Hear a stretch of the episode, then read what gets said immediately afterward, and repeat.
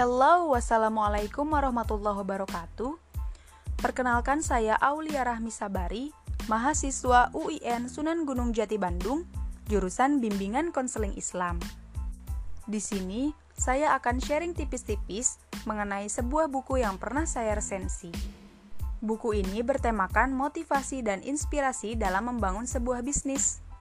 Penulis buku ini merupakan seorang pengusaha muda kelahiran Bogor bernama Teguh Awi. Di dalam buku ini, mungkin kamu akan mengira bahwa ada sebuah aplikasi mesin uang di sistem Androidmu. Tetapi, buku ini akan mengubah mindset pembacanya bahwa bisnis adalah hal yang tidak perlu ditakuti dan tidak mesti memiliki modal yang banyak.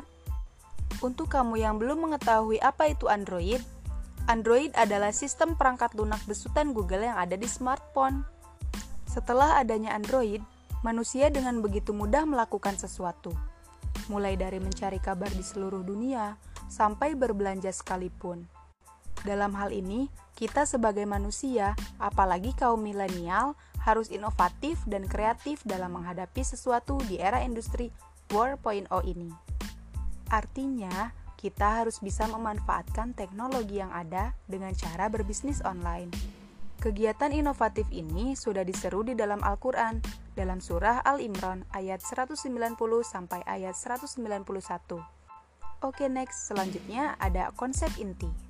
Dalam poin pertama, ada motivasi bisnis yang berbunyi, gagal adalah syarat untuk sukses.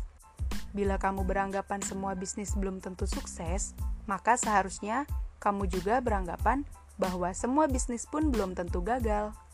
Contohnya seperti pengalaman berbisnis sang penulis buku, di mana pada awal memulai bisnisnya, saat ia habis kontrak kerja pada bulan Ramadan, ia berpikir bagaimana cara menghasilkan uang. Saat itu, ia membuat sebuah daftar peluang apa saja yang bisa dijadikan usaha olehnya. Mulai dari berjualan kolak pisang, asinan, kue kering, dan lain-lain, hingga akhirnya muncullah sebuah ide untuk menjual coklat. Singkat cerita, akhirnya ia memutuskan untuk merealisasikan idenya itu. Berbekal uang yang tidak seberapa, hanya 200 ribu saja, lalu ia ke pasar dan membeli bahan-bahannya. Kemudian satu demi satu langkah dalam tutorial video ia praktekkan. Dan tada, alhasil coklatnya pun jadi. Tetapi karena kali pertama ia membuatnya, coklat itu bentuknya tidak berupa. Ia menganggap coklat itu gagal sehingga ia bagikan coklat itu ke teman-temannya dan dimintai pendapatnya tentang coklat yang ia buat. Ternyata coklat buatannya itu rasanya tidak terlalu buruk. Rasanya pun sama seperti bahan coklat yang ia beli semula. Dengan sisa adonan yang ia miliki, ia menggunakannya untuk membuat coklat yang kedua kalinya. Kali ini bentuknya tidak terlalu buruk, Kemudian ia kemas dan memfotonya dibuat semacam brosur seperti itu dan ditawarkannya kepada teman-temannya via BlackBerry. Selain itu, ia juga mengajak temannya yang berminat menjual kembali coklat tersebut dengan mendapatkan harga yang lebih murah. Akhirnya, terkumpullah 56 temannya yang menjadi reseller. Lalu, di hari kedua, mulai banyak yang tertarik pada produk coklat buatannya. Pesanan pun berdatangan bukan hanya dari daerah Bogor saja, tetapi ada dari daerah Bekasi, Jakarta, Depok, bahkan sampai Kintab Kalimantan. Omsetnya pun pada hari itu mencapai 2,1 juta. Dengan uang pesanan tersebut langsung dibelanjakan lagi untuk bahan membuat coklat kembali sesuai pesanan. Dan kemudian di hari ketiga, omsetnya pun makin naik dan bahkan ada wartawan yang ingin meliput. Kalian ingat tidak bahwa modal awalnya itu tadi hanya uang 200 ribu rupiah saja. Itu pun tanpa keahlian membuat coklat. Menurutku itu adalah bagian yang paling menarik. Benar ya seperti apa yang dikatakan oleh pepatah bahwa guru terbaik itu datangnya dari pengalaman. Dan harus kita tahu bahwa pengalaman itu juga datangnya dari sebuah kegagalan. Jadi, intinya Bila kamu memiliki ide untuk berbisnis, jalankan saja, action saja, bahkan ide bisnis yang aneh sekalipun. Dan kamu juga harus tahu bahwa setiap orang punya jatah gagal dan habiskan jatah gagalmu. Begitu kata Teguh Awi. Untuk poin kedua, yaitu fokus pada peluang, bukan hambatan. Bunyi motivasi pada poin kedua ini yaitu di mana ada peluang, di situ kamu masuk. Maksudnya, kamu harus menjadi orang yang cerdik untuk bisa memanfaatkan peluang yang ada, meskipun kamu tahu resiko apa saja yang akan dihadang. Tetap percaya diri bahwa kamu bisa melakukannya, karena karakter yang dibutuhkan oleh seorang pembisnis adalah percaya diri. Selain itu, kreatif dan inovatif. Poin ketiga, minta rizki sama yang punya. Ikhtiar itu perlu, tetapi tawakal juga nggak kalah penting kok. Itulah mengapa kita harus tawakal, karena berbisnis itu tidak selalu berjalan mulus.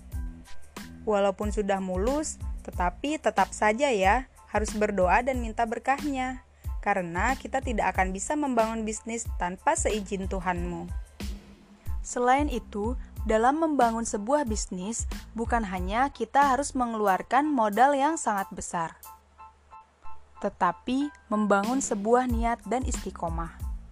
Kalau dirasa modalmu hanya sedikit, kamu bisa ikut berjualan dengan orang yang sudah memiliki bisnis. Artinya, kamu diposisikan sebagai reseller. Reseller ini adalah orang yang menjual kembali produk dari pihak supplier kepada konsumen reseller ini bukanlah bagian dari supplier. Untuk menjadi seorang reseller, kamu harus mengeluarkan modal sendiri dan membeli produk langsung kepada supplier. Dan kamu sebagai reseller harus menyetok barang terlebih dahulu.